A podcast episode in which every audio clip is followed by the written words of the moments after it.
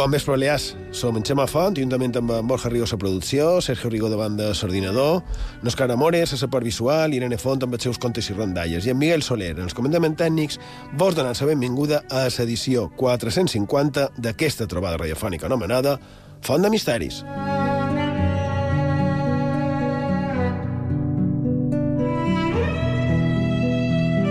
Bon vespre, Borja Rigo. Bon vespre. Sergio Rigo, bon vespre. Bon vespre, Xemà.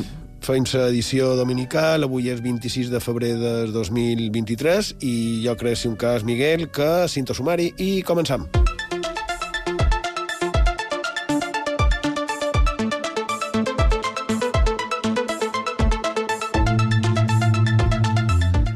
Aquest programa 450 de Font de Misteris el començarem parlant d'un test bastant desconegut, el Còdex Sasson. Que amaga? Què té d'especial? A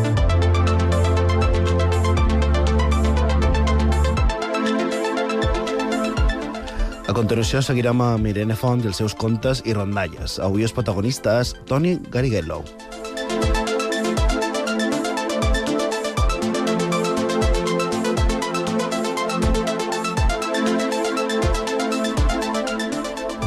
Després recordarem la figura de John. Per què va ser tan important aquest astronauta i per què en Borja el vol citar? Què va dir?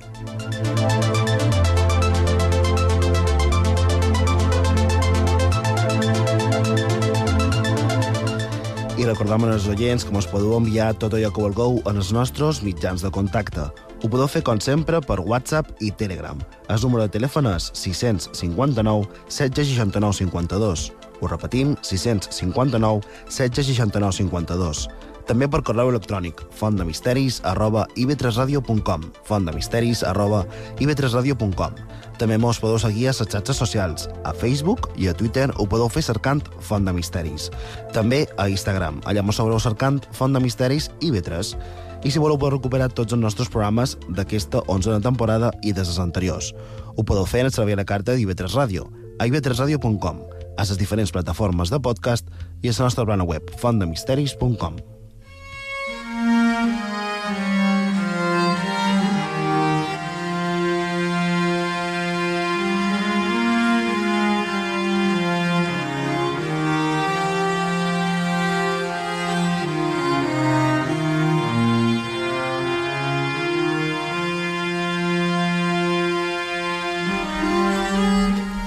Sergio Rigo, el, el còdex Sasson o Sasson, que no tenc ni idea de què és.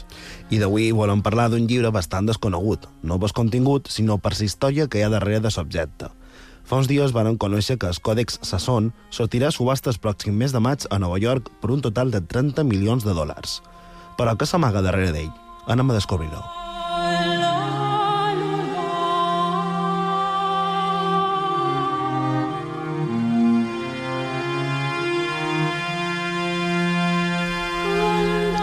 Aquest Còdex Sasson és la Bíblia hebrea més antiga de la que se té constància.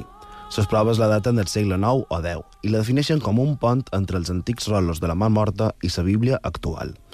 Un dels investigadors que ha pogut veure aquest llibre, segons el del país, diu que el Código Sasson marca un punto de inflexión crítico en la forma de percibir la historia de la palabra divina a lo largo de miles de años y representa un testigo transformador de cómo la Biblia hebrea ha influido durante siglos en los pilares de la civilización, el arte, la cultura y la política.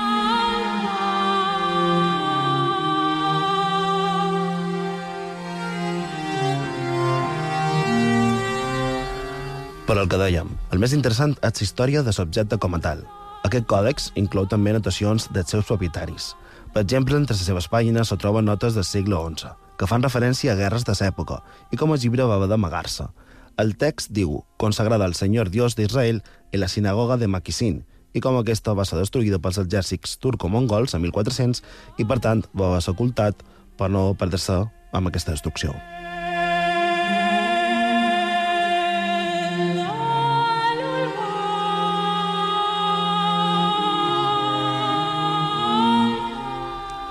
Han dit que aquest llibre serveix com a pont entre dues èpoques. Segons els experts, aquest llibre permet conèixer l'evolució de la Bíblia hebrea des de l'edat antiga, ni més ni manco, fins a l'època contemporània. Segons els investigadors, només, existeixen actualment dos còdecs, que comprenen quasi tota la Bíblia hebrea i daten del segle X, i han sobreviscut fins ara, aquest còdex Sasson i el còdex d'Alepo.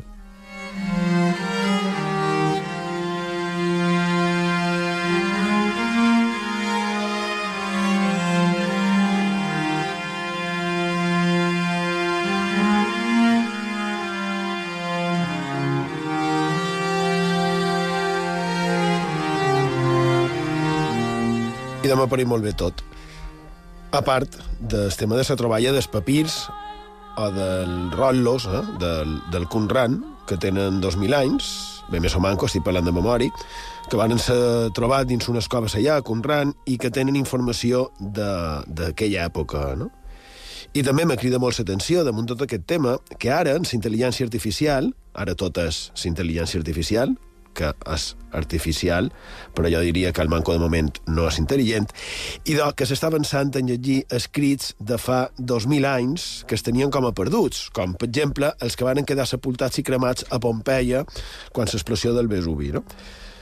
Però de tot això, allò m'agrada més la troballa queixa del Museu Bíblic de Mallorca, que es va fer públic fa uns mesos, d'aquell text egipci de d'haver 4.000 anys, a un pergamí, que estava allà exposat a un, un pergamí, un papirs, que estava allà exposat i que la doctora Marino Escolano Poveda ha arribat a la conclusió que és part d'un altre bocí que es conserva en el Museu Egipci de Berlín i que es tractaria del primer text filosòfic de la història de la humanitat que es conserva. I el que, mos, el que més m'agrada no, és el tema, perquè el tema guarda relació en l'ànima, eh? La gran pregunta dels éssers humans, i en aquest cas sembla que, a part de tot, tenen importància perquè pertanyen en els principis no? de, del rotllo de, rotllo de papir, aquest, de, de, que es diu El debat entre un home i el seu va. Hi ha una publicació del web de Catalunya Ràdio diu que es tracta, tot això ja ho van dir, crec, que es tracta d'un diàleg escrit en hieràtic entre un moribund i la seva ànima sobre els beneficis de la vida i de la mort i afegeix que la gran, la gran aportació del fragment de Mallorca és que són del principi del papir i expliquen per què parlen l'home, que està malalt, i la seva ànima, que pels egipcis era el va. I es considera, diu, el primer text filosòfic de la història perquè conversen sobre què és millor, viure o morir, una de les preguntes més antigues que s'ha fet l'ésser humà i un, un dels orígens de la filosofia.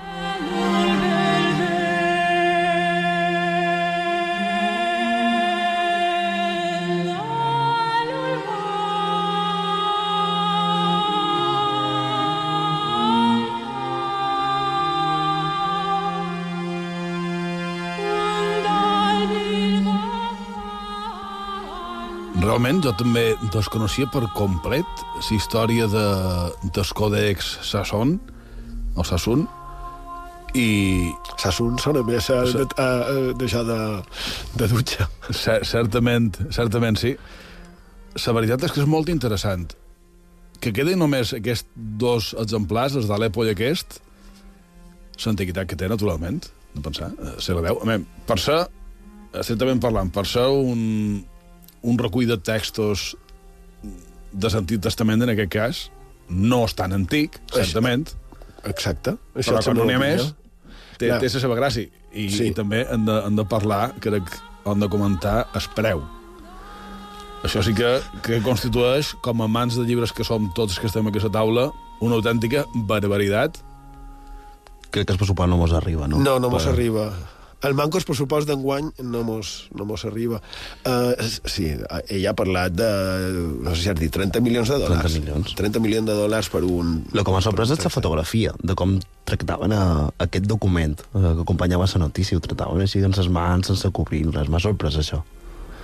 Sí, però si durant mil anys l'han tractat així, ara que hem de fer de filicomi, si un, si un ho pensa, no? vist així, de totes maneres, encara pot ser que es trobin més, no? perquè pot haver qualcú que el tingui i no sàpiga que tingui aquest tip còpies de I ara, ara que dius justament això, ara parlaves, recordaves eh, bocí de, de, del papir de Berlín que tenim aquí a Mallorca, i sí que és cert que se parla de que és el test filosòfic més antic de la humanitat, i hem de matitzar molt, i crec que no s'ha fet, no nosaltres, sinó en general, s'ha matitzat molt que s'hagi trobat fins ara, perquè de recordar que està, tu has dit, està escrit en hieràtic. Hieràtic és un tipus d'escriptura egípcia quasi moderna, podríem dir.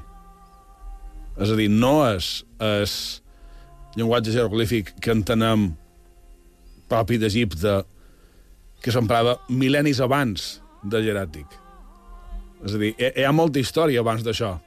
Sí, en aquest cas jo crec que el problema és a on hi era i la poca divulgació que se fa del Museu Bíblic de Mallorca, que precisament és el que fa de misteris des de fa des del començament, no sé si des de la primera temporada, però sí des de la segona o la tercera, hem fet una reivindicació d'entre de, d'altres el Museu Bíblic de Mallorca precisament pel, pel que tenim i per la quantitat de coses desconegudes. Crec que quan va sortir la notícia de de redescobriment d'aquest papir, crec que precisament varen posar un bossi de quan nosaltres reclamàvem precisament damunt d'aquest mateix tema, no? Nosaltres fa, lo millor, set o vuit temporades.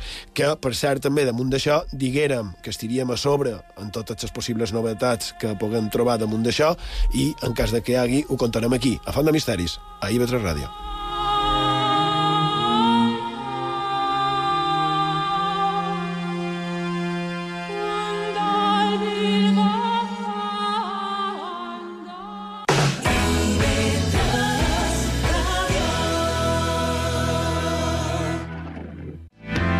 Entre avui i demà, cada dimecres a les 9 i mitja del vespre, vos convidam a la nostra secció de biografia.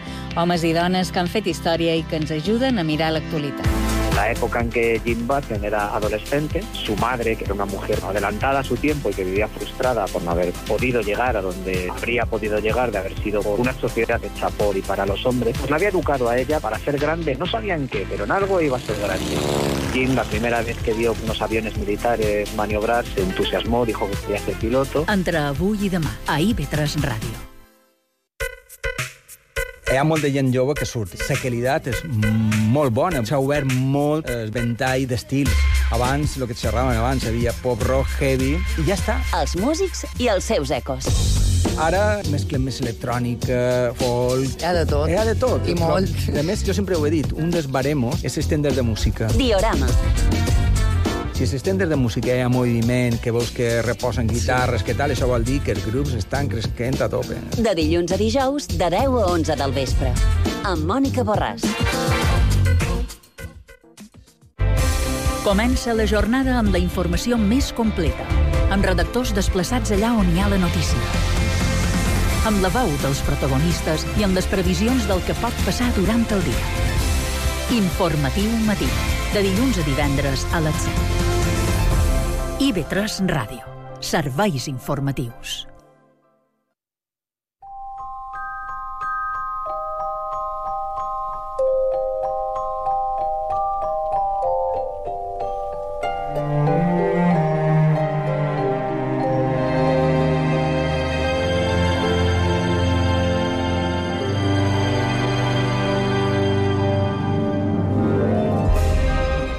Seguim a Font de Misteris, sintonia d'IV3 Ràdio, la ràdio pública de les Illes Balears. A Menorca mos podeu trobar en el 88.6 de la freqüència modulada. I aquesta sintonia vol dir que anem ara en la secció que nosaltres anomenam Contes i Rondalles, on Irene Font cada setmana mos du qualque contarella, qualque, això, qualque rondalla, que li hagi cridat l'atenció. Bon vespre, Irene. Bon vespre, Xema. Què mos dus avui? Bé, ahir a l'acomiadament vares fer una al·lusió a això de modificar els continguts dels llibres per adequar-ho als nous temps. No entraré ara en aquest tema, però això me va recordar una d'aquelles històries que ens poden servir per mostrar com els contes, les rondalles, les historietes, tot això ve d'enrere.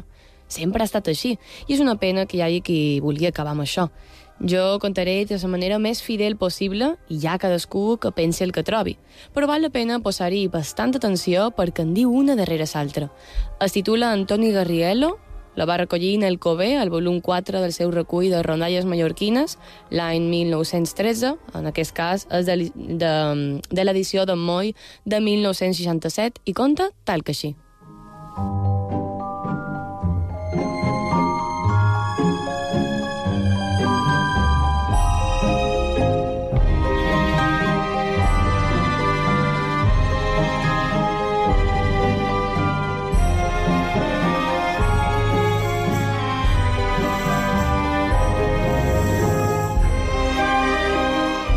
Això era i no era una mare que tenia un caramull d'olors que no la deixaven viure perquè sempre en tenia quatre o cinc de penjats de ses faldes, un que li demanava una cosa i l'altre l'altra. N'arribà a estar tan farta i enfadada que un dia la seva paciència va acabar i es va posar a matar lots. Va matar a tots els que va veure. Només se'n salvà un, que s'amagà ben amagat darrere sa pella, i aquest nomia Toni Garriguello.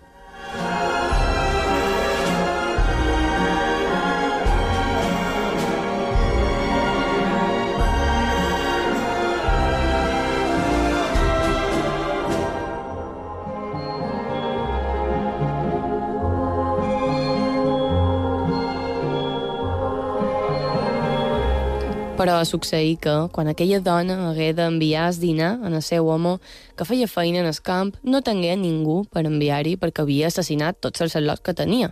Bona l'he feta, exclamà aquella dona. I ara, com enviaré dinar en aquell? Així mateix ha fet Jarc. En aquell moment, ella s'adonà del que havia fet, però no pel que podríem pensar. Si n'hagués deixat un de viu, d'aquells vigarnos malavidosos, ara m'adoria el dinar en aquell. Sí que me sap greu haver-los escabatxat a tots. Però en aquell moment, Antoni Garriguello, que l'havia sentida, treu el caparrí de darrere sa pella i diu tot xalest. No passeu ànsia d'això, mo mare, que encara me teniu a mi. Sa mare estranyada de no haver-lo mort, però contenta perquè així ell podria dur el menjar a son pare, li va enviar, però abans l'adverteix que hi veurà un hort amb tarongers, que li resultarà molt atractiu, però que deixi córrer, que no n'agafi cap de taronja. Ell li contestà que cap problema i cap allà se'n va.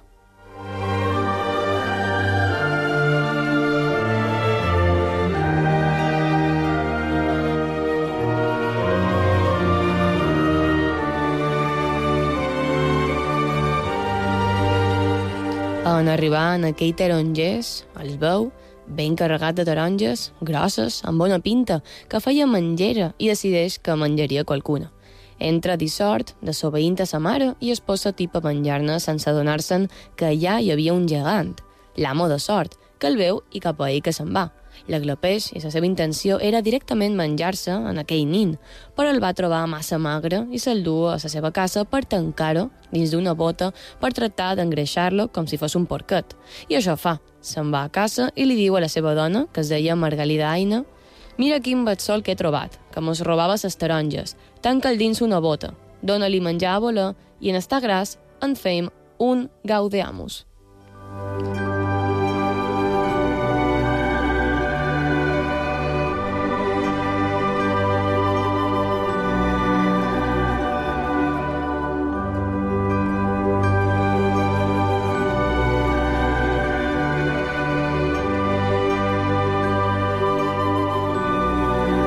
I així ho varen fer.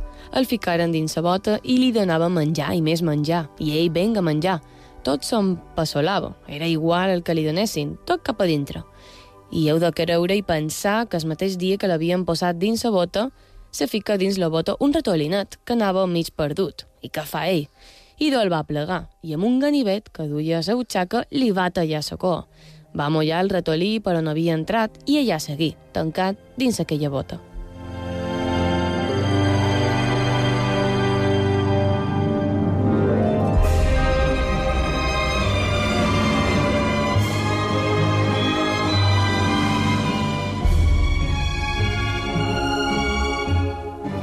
I sabeu per què la volia, a la cua del ratolí, Antoni Garriguello. I de resulta que la lleganta cada parell de dies li demanava que li mostrés com estava de gras, però per por que fullís li feia treure el dit pel forat de sa bota i li deia «Toni Garriguello, treu el ditello, veiem si encara estàs tan magrello». I Antoni Garriguello, com no era beneit, en lloc de treure el ditello, treia pas foradí de sa bota sa coeta de ratolí. I clar, sa lleganta davant d'allò se'n feia creus i no es podia venir de que aquell nin no engreixés gens ni mica. Així que venga a donar-li més i més menjar, perquè clar, ja se'l volien empassolar. I venga a demanar que mostrés el ditet, i res, que no engreixava, perquè el que seguia mostrant era sa cueta del ratolí, com si fos el seu ditet. I així passà un bon temps fins que un dia, no sap com, va perdre sa cueta del ratolí. I clar, quan la lleganta li torna a dir allò de Toni Garriguello, treu el ditello, veiem si encara estàs tan magrello o si has engreixat gens. El nin va haver de treure el dit, que de tan gros que ja era no el va poder treure pel foradí de sa bota.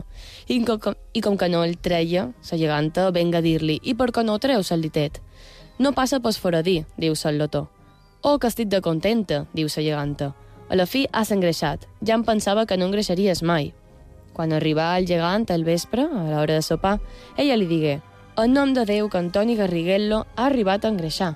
Avui, com li he dit que tregués el ditet pas foradí de sa bota, mm, ja no l'ha pogut treure, de tant que ha engreixat.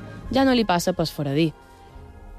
«Bé, mos va», digués gegant i de demà de matí el treus a sa bota, poses una gran caldera amb aigua de puntes fogons i el fas bufar a ell en el foc i en bufari, que estarà acotat, li etzibes amb sa trompa de versa clotellera, li rom sense descoi, les corxes, les moques i el fas amb arròs. I en venir ja es vespre al món passolam. Sí que has pensat bé, diu sa lleganta. Així com m'has dit, ho faré.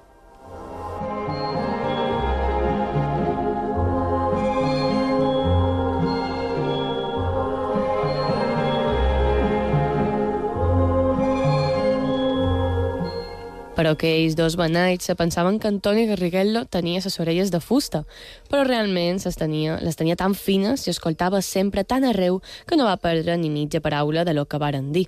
Quan el matí següent els gegants s'han d'anar a guardar sort de tarongers, la geganta posà la caldera damunt els fogons, plena d'aigua, i començar a fer foc.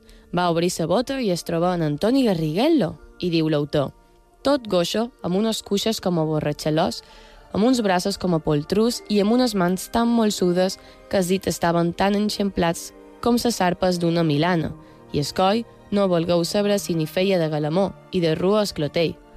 La geganta feliç, tant que ja se'l menjava amb sa vista mentre pensava com se'l menjaria sofridet amb arròs, però també va pensar que després d'haver tingut dins la bota menjant i totalment desenfeinat, ben bé podria donar un cop de mà a les feines de sa casa així que li va manar que bufés el foc de la caldera perquè prengui més aviat i comenci a bullir. I com que ell era viu i els hi havia sentit les intencions, li demanà «Bufant el foc?» diu Antoni Garriguello. «I què és bufant el foc?» La geganta no es podia venir. Com podia ser que aquell nin no sapigués que era bufant el foc? Ell li digué que com no ho havia fet mai, no sabia fer, que si un cas li mostrés com fer-ho i que ell ho faria. Així que ella s'allanoia davant del foc i comença a bufar. I què fa el nostre petit protagonista? Tot d'una que la veu agafa una destral que hi havia allà de vora i li encibella destralada en el batcoi i el cap de sa lleganta boteix dins els fogons i allà, i allà dins tot es cremar fent caliu i cendra.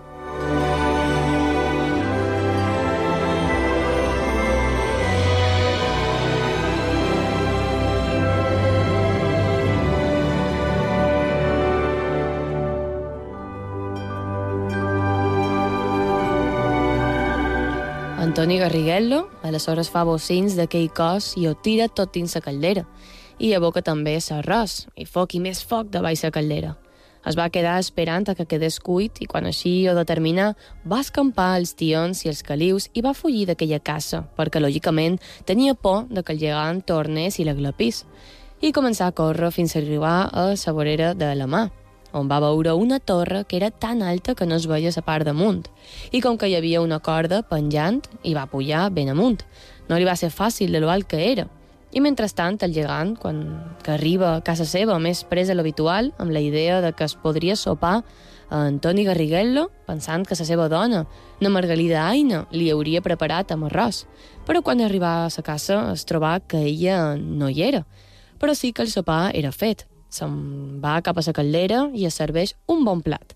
Però ben aviat se n'adona que aquells bocinots de carn no podien ser de cap al lot, que havien de ser de dona. Però com no hi havia el cap, no va saber de quina dona era. I clar, davant d'aquella evidència va començar a sospitar que podria tractar-se de la seva pròpia dona. Però a la vegada no ho veia possible, així que decideix sortir a cercar-ho.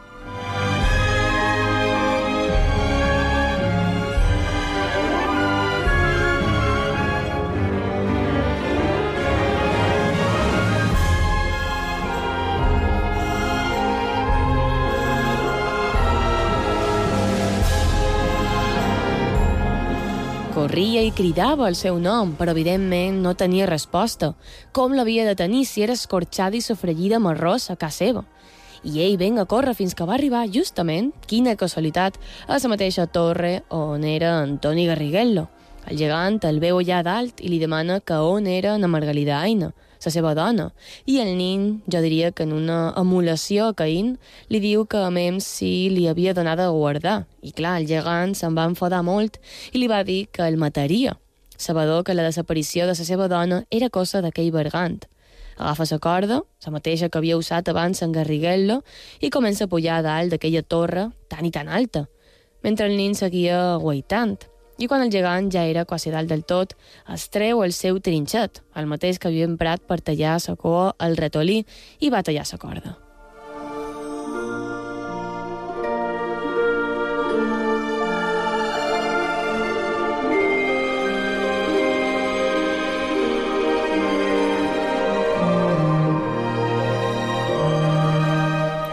i és gegant en caiguda lliure fins que l'arribar en terra s'esclatà i es rebentà, alliberant així a Toni Garriguello, que quedà lliure dels seus dos captors.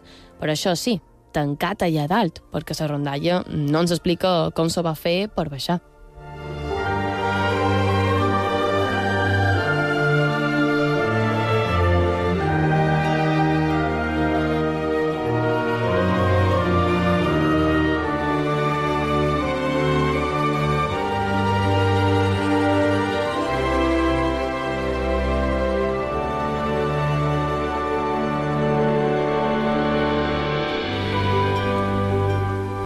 La veritat és que sí, Irene, que és una, una mica, no sé si dir, una mica bèstia, no?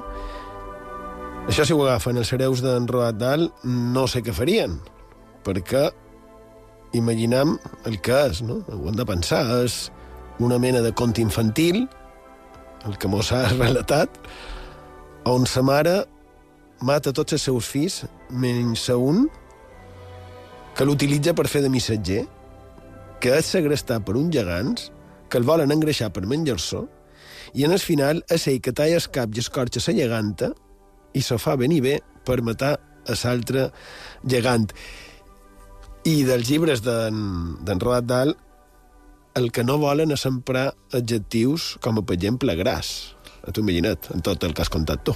I allò també, el que m'ha cridat l'atenció ha estat allò de la frase dita pel nin emulant a Caín. No deixa de ser curiós, perquè, clar, Caín va ser el que va matar en Abel. I la veritat és que també m'ha cridat l'atenció precisament la normalitat de l'exposició de dades. Ho conta com si fos el més natural del món. Bé, clar, és producte d'una època, o sigui que estic totalment d'acord. Bé, és ben interessant, és ben curiosa, ben nostra, i que deixin de fer llibres, crec que avui, no estic segur, però crec que els hereus d'en Roald Dahl han dit que, que d'acord, que ho deixaran córrer, que no ho modificaran, i, i és que és això. Ja si volen que facin versions, no? però no modificar com a tal. Ja aquí som, he aprofitat per, per dir-ho. I de moltes gràcies, Irene, molt xula. Gràcies a tu, Xema, i fins la setmana que ve.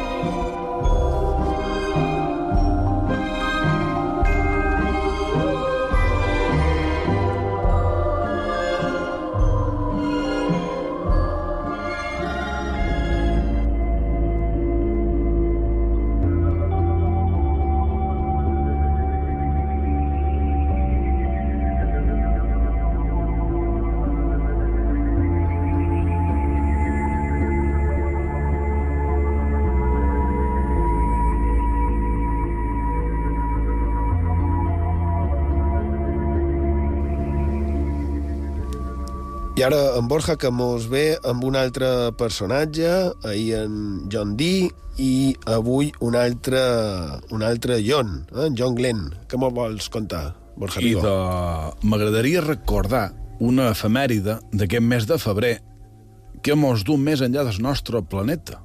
Mos du cap a l'espai. Per això, precisament, hem de recordar la figura d'en John Glenn. Va néixer a Cambridge, 1921, i va ser el primer nord-americà que va estar en òrbita, al voltant de, de la Terra, el 20 de febrer de 1962, uns 10 mesos després de l'empresa de Yuri Gagarin. Va estudiar a Maryland, a la universitat, i va fer feina pel cos de Marina, 1943, va servir en el Pacífic i més tard a Corea. 1957 va realitzar el primer vol supersònic ininterromput de Los Angeles a Nova York. Se va convertir en astronauta l'any 1959 i, l'any 1962, va viatjar a la càpsula anomenada Friendship 7, la tercera en ser llançada a l'espai dins el programa Mercury. El vol de, de John Glenn va ser, diguéssim, el veritable primer pas a l'exploració humana de l'espai realitzada per als Estats Units. Va donar tres voltes en el voltant de la Terra i va aconseguir una distància màxima de la superfície del nostre planeta de 262 quilòmetres i una mínima de 161. Durant el vol, que va durar un total de 4 hores i 55 minuts, se van produir diverses situacions d'emergència que van fer tema pel resultat de la missió. Però, per fortuna, l'operació va concloure amb una, diguéssim, capbussada dins l'oceà i la nau va ser rescatada per la flota americana que l'estava esperant.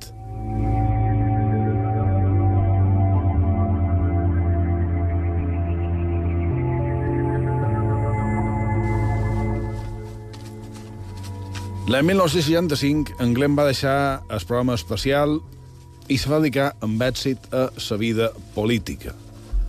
L'any 1974 va ser elegit senador d'Ohio dins el Partit Demòcrata i, quan ja comptaven 77 anys, va formar part de la tripulació del Discovery que se va enlairar de Cap Canyaveral el 29 d'octubre de 1998 a destinació a l'espai en un viatge de caràcter, diguéssim, d'experimentació. En aquesta mateixa nau viatjava el primer astronauta espanyol, en Pedro Duque. 16 de juny de 1999 va ser distingit en Premi Príncep d'Astúries, però tot això que estic contant, aquesta espècie de, de biografia resumida, mos du a una altra qüestió. I si vinculàssim la figura d'en John Glenn i el fenomen ovni?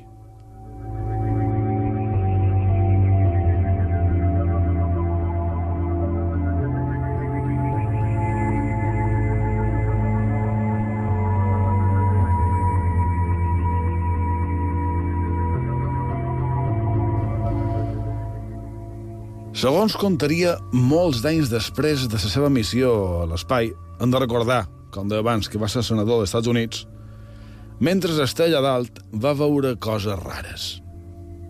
Ho va contar un programa de televisió en el seu país l'any 2001 i, a més, si, si trascau una mica, hi ha un vídeo de la NASA penjat a la xarxa que pertany en el seu viatge i on ell descriu el que veu.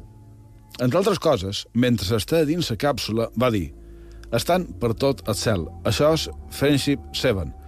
Trataré de descriure què estan vivint o què estic vivint en aquest moment. Estic enmig d'una gran massa de partícules molt petites, brillants, com si fossin luminescents. Mai vaig veure res així. Se redoneixen una mica, venen per la càpsula i semblen petites estrelles. Una pluja sencera d'ells veig.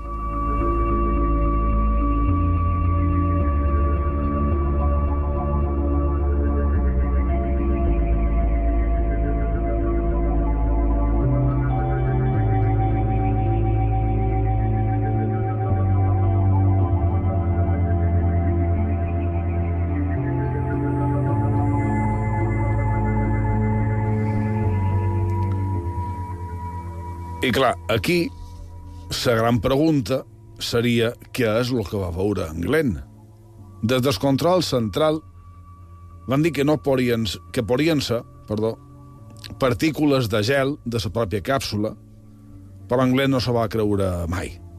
Curiosament, una missió posterior sobre en Scott Carpenter, aquest va veure també cosa semblant, i la NASA va concloure posteriorment que només eren partícules de gel que agafaven la llum del sol.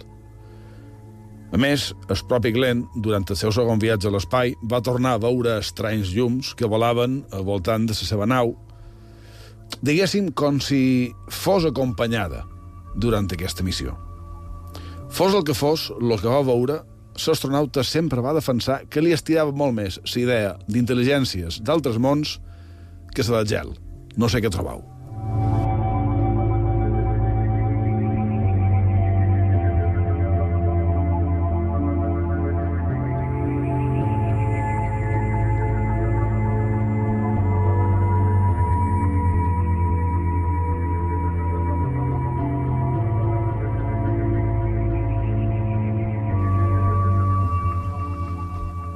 De part del tema de, de que pensàs que li estirava més idea de que fossin éssers intel·ligents d'altres mons que no que fos gel, allò, mm, per començar, me crida l'atenció i molt el valor i el coratge no? d'aquells primers humans que es pujaven en aquells prototips sense massa garanties d'èxit. No?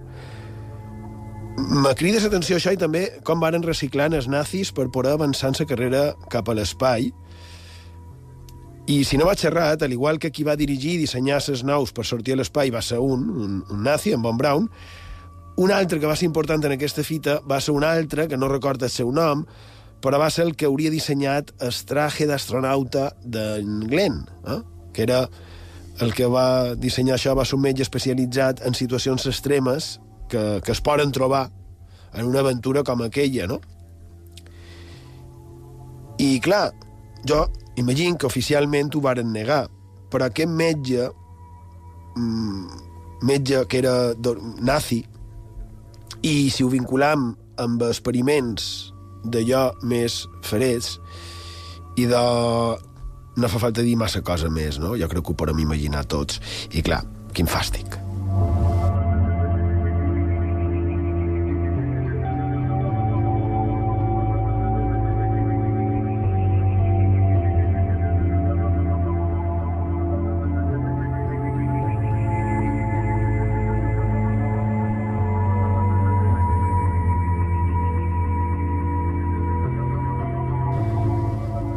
Però ja que som en Glenn i ja que ho has dit, m'agradaria comentar una altra història relacionada amb ell, amb els serveis d'intel·ligència i amb teories conspiranoiques.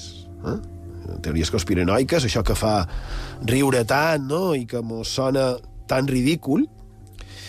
I, I en aquest cas, teories conspiranoiques relacionades amb Cuba, i clar que sí, amb els Estats Units.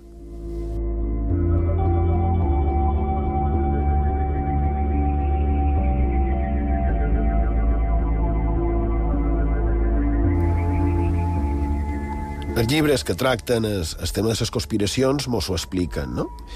I la veritat és que si és així, mos tornem a trobar amb un cas d'aquells on la veritat o la realitat supera la ficció. Mos hem de posar en situació. Eh? Hem d'anar en el moment àlgid de la Guerra Freda, només sis mesos després d'aquesta de, llesta d'en John Glenn, de febrer de 1962, i de... després es va produir la coneguda com a crisi dels míssils, on els Estats Units varen acusar a la Unió de Repúbliques Socialistes Soviètiques i en els cubans de tenir míssils amb potència nuclear precisament allà, a Cuba. Clar, els nord-americans no ho podien permetre. Eh? Que, que, que feien tan a prop de les seves fronteres. Crec que ells, a Turquia, els nord-americans s'havien fet bases semblants, però clar, es veu que no era el mateix. Es pot dir que jo crec, a més que és així, que és el moment en la història on el perill d'una conflagració nuclear ha estat més a prop de produir-se que mai. I la pena de tot això, evidentment, és veure com és cíclic i com tendeix a repetir-se. I bé, tot això era que des de feia temps, bé, des de la revolució cubana, els Estats Units no acceptaven el que estava passant a Cuba, perquè el cany a la fi era un país de la seva influència fins que tot va canviar, no? I els Estats Units, i la història així ho diu, va estar al darrere de, per exemple, de l'intent d'invasió de Cuba en el conegut com la invasió de Bahia de Cochinos, on un grup d'exiliats cubans, amb el recolzament dels Estats Units, varen atacar Silla, però, en el darrer moment, els americans es varen tirar una mica cap enrere i no varen donar tot el suport que havien previst o que havien aparaulat donar. I clar, es diu que finalment no ho van recolzar per evitar una confrontació directa en la URSS, amb els soviètics, que ja eren al darrere de la revolució castrista. No? En resum, els cubans sota la influència de les dues superpotències.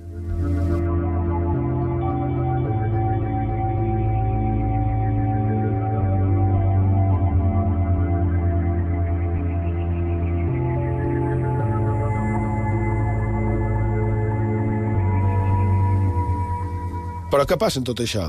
Que Bahia de Cochinos és una mostra del que pretenia fer el govern dels Estats Units, perquè de ser una mena de, de colònia, podríem dir seva, i de Cuba va esdevenir amb un enemic. Eh?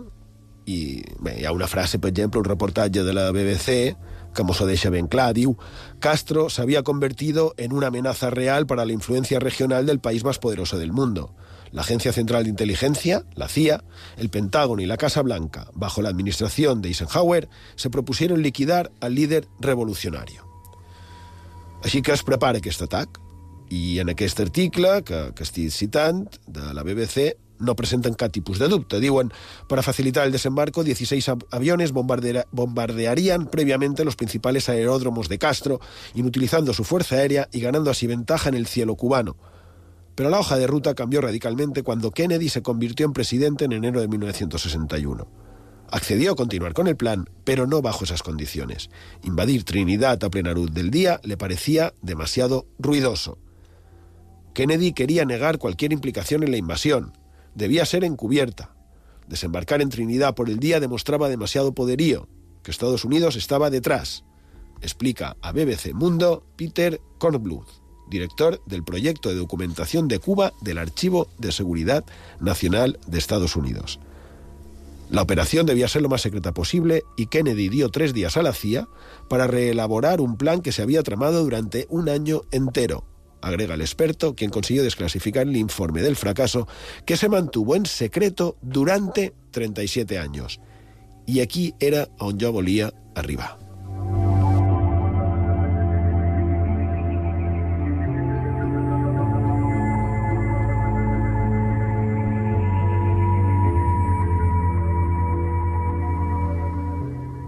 Fracassa l'assalt a Baia de Cochinos, però els Estats Units haurien continuat cercant sistemes per fer caure el castrisme cubà.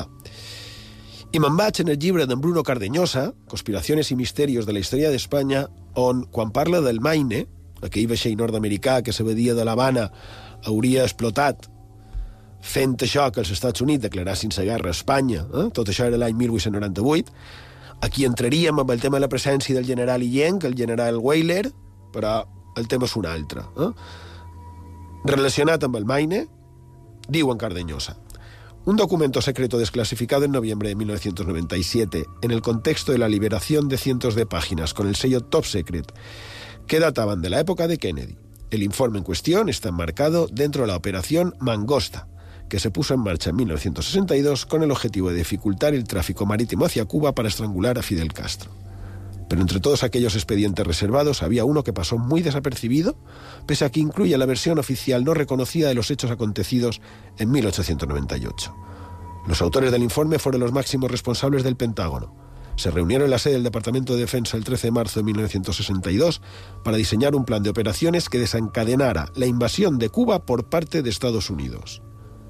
Así, se establecieron diversas posibilidades que pasaban en todo caso por provocar un suceso, real o simulado, que causara impacto mundial por su simbolismo o por el número de víctimas.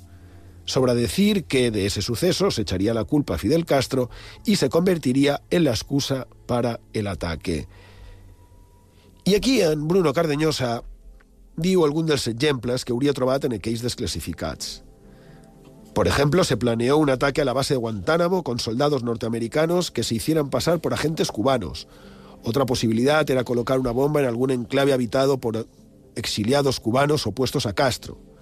También se desarrolló un modelo según el cual se atacaría aviones norteamericanos por otros aviones norteamericanos, pero camuflados con bandera cubana. Además, se habló de derribar un vuelo, derribar en vuelo un avión de pasajeros procedentes de Estados Unidos. La más sorprendente de todas las propuestas era destruir la nave espacial Mercury con el astronauta y héroe John Glenn a bordo, Su muerte, de la que se culparía a misiles cubanos, desataría la reacción en masa de toda la sociedad y haría inevitable el desembarco bélico en la isla. Sona massa increïble? Hem de recordar el Maine. Però fer caure d'arribar a la nau d'en John Glenn, aquell heroi nacional nord-americà, de pensar en el moment de la història.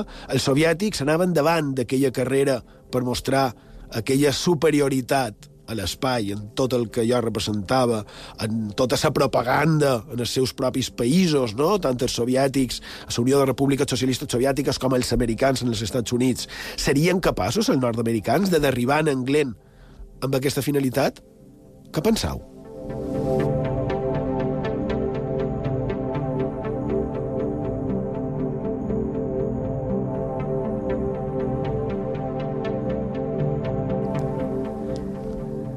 Clar, això està estret d'un llibre, d'un llibre de conspiracions, que pot ser que estigui errat, que no estigui del tot ben encaminat, que la informació no sigui del tot...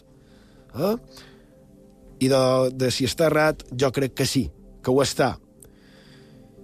I qui me va posar en la pista de que probablement estava errada va ser un altre llibre, en aquest cas de Neric Fratini, eh? en el que fa anys vàrem entrevistar aquí a Font de Misteris per un altre llibre, precisament he citat en el nazi, si vàrem parlar amb ell d'un llibre històric d'un estudi, d'un assaig damunt d'en Hitler que va fer, i damunt d'aquest tema mos diu que uno de los puntos más llamativos del plan Bingo era la llamada Operación Truco Sucio, que consistía en culpar a Fidel Castro del hipotético fracaso del programa Mercury de la NASA tras estallar el Friendship 7, tripulado por el astronauta John Glenn en febrero de 1962, mientras intentaba reentrar en la atmósfera terrestre.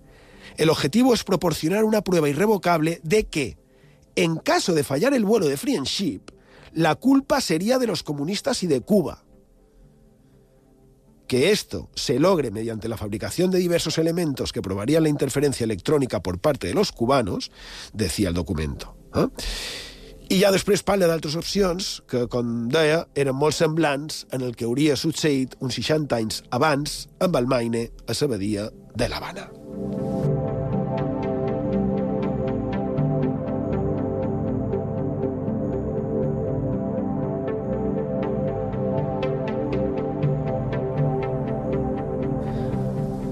I ara sí, exigeren o fantasien els dos autocitats, i doncs no ho crec. I molt manco quan mos trobam que premsa nord-americana també s'han fet ressò.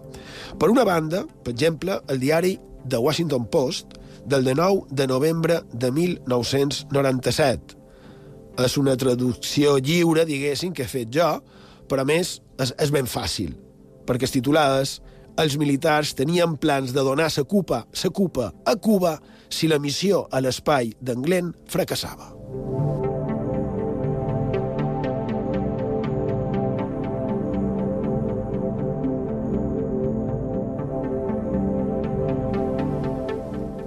I diu això, que per mort d'un desclassificat d'aquell mes de novembre de 1997, varen veure que tenien previst que si fracassava la missió, dir que havien estat els cubans mitjançant provocar unes interferències electròniques que haurien causat la destrucció de la nau i això seria motiu per declarar una guerra, eh? tot per tal d'aconseguir derrocar en el castrisme.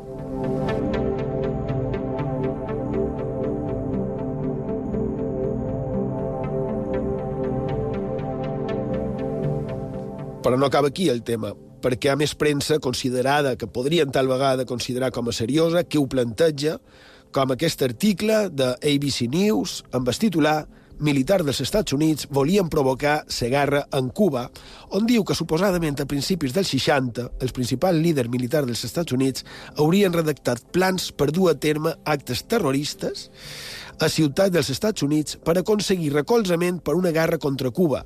Diu, amb el nom clau d'Operació Northwoods, el plan suposadament incloïa en el possible assassinat de migrants cubans, enfonsar vaixell de refugiats cubans a l'alta mar, segrestar avions, volar un vaixell estadounidenc i fins i tot orquestar terrorisme violent en ciutats estadounidenques. I tot en la finalitat d'aconseguir justificar-ho davant de la població nord-americana per justificar l'atac. El més fort és que diu que els plans tenien l'aprovació per escrit de tots els caps de l'estat major conjunt i que es varen presentar al secretari de defensa del president Kennedy, que era en Robert McNamara, i això era el març de 1962. Però, aparentment, varen ser rebutjades per lideratge civil i no han estat revelats, diu que per vergonya, durant gairebé 40 anys. I també, clar, inclou allò d'en Glenn. Diu, l'estat major conjunt fins i tot va proposar utilitzar la possible mort de l'astronauta John Glenn durant el primer intent de posar en òrbita un estadounidenc com un pretext fals per a la guerra en Cuba, segons mostren els documents. En cas de que el coet exploti i mori en Glenn, varen dir, l'objectiu és proporcionar una prova irrevocable que la culpa és dels comunistes i de tota Cuba.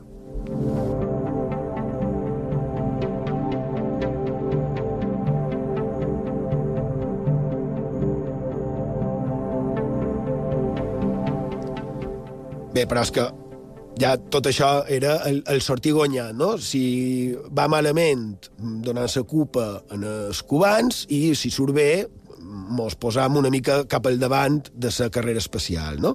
Però és que l'article del Washington Post diu altres possibilitats per, per, per lluitar contra el castrisme més rocambolesques, no? Com l'operació Bon Temps, on manipularien una fotografia, d'un diu, eh, diu, d'un castre obès en dues belleses, en qualsevol situació eh, delicada, i a prop d'una taula plena del menjar cubà més deliciós, acompanyada de la frase «La meva ració és diferent».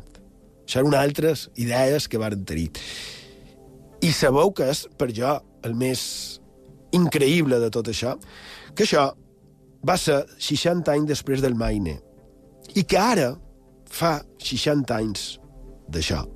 I clar, allò me dóna que pensar, no sé què trobau.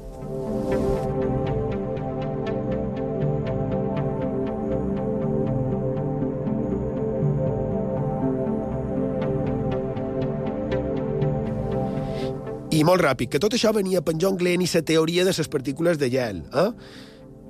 Sembla palès que eren això, no? Partícules de gel. I de, a part de les teories del propi Glenn, eh? i de aquí no pensava el mateix, però això sí, justificant que era quelcom demostrable com a normal i, si me permeteu la paraula, que era qualque cosa terrenal. Eh?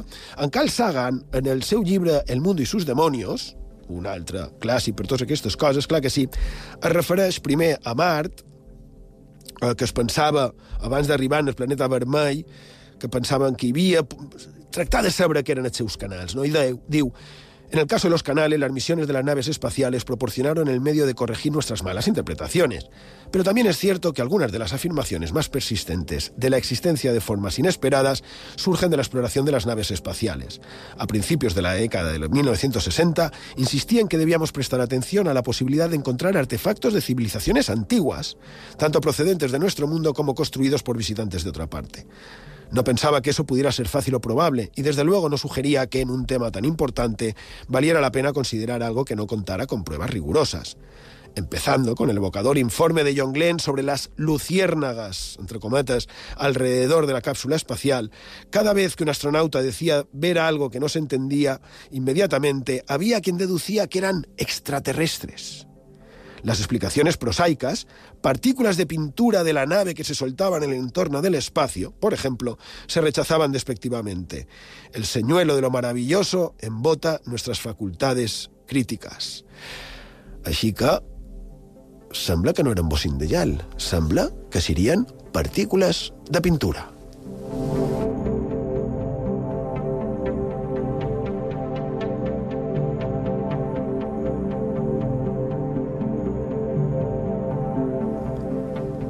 Evidentment, qualsevol cosa abans de poder donar a entendre que pot ser qualque cosa que encara no sabem què és.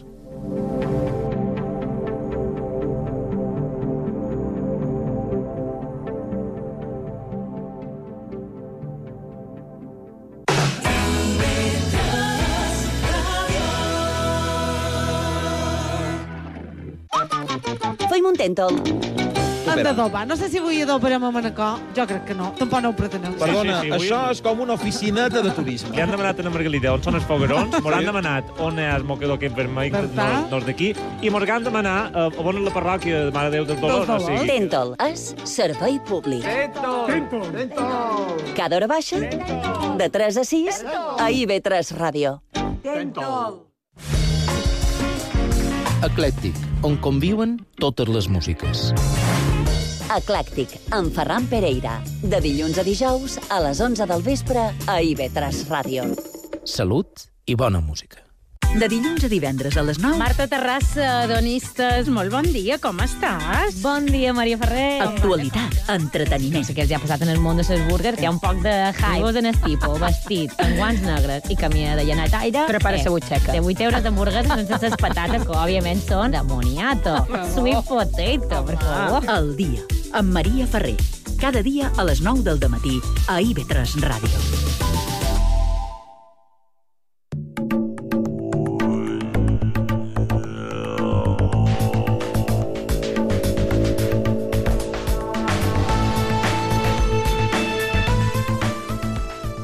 I d'hem arribat a la fi del programa d'avui. Esperem que hagueu passat una estona agradable i que hagueu pogut treure qualque cosa de profit d'aquesta font de misteris. I ja que hem estat parlant de Bíblies i que en el conte rondalles hem citat en Abel i Caín i també de la història bíblica, jo crec que per acomiadar-nos ho podem fer en s'obra homònima d'en Baudelaire, d'en Charles Baudelaire, del llibre Les, Flo Les flors del mal, en aquest cas traduït per en Jordi Llobet, i és la poesia Abel i Caín. Raça de vel, dorm, beu i menja, Déu et somriu en compleença. Raça de Caín, en el fangar repte i mor miserablement. Raça de vel, ton sacrifici afalaga el nas del serafí. Raça de Caín, el teu suplici, tindrà alguna vegada fi? Raça de vel, escalfa bé el teu ventre dins la llar patriarcal. Raça de Caín, en el teu antre tinguesses garrifances de xacal. Raça de vel, ama i procrea, els teus diners també fan fills. Raça de Caín, cor tot encès, para atenció a anells massa grans. Raça de vel, engreixaràs en la carronya el can que fuma. Raça de Caín, la teva tasca no s'ha complert abastament. Raça de vel, quina vergonya, el ferro ha estat vençut per un dardell. Raça de Caín, ves fins al cel i llança els homes al teu Déu. I ja que estem amb en Caín, i també, per què no, amb incorreccions del Barón Rojo, Hijos de Caín. Allí, Pau, bona nit, gràcies per la vostra companyia i fins la setmana que ve.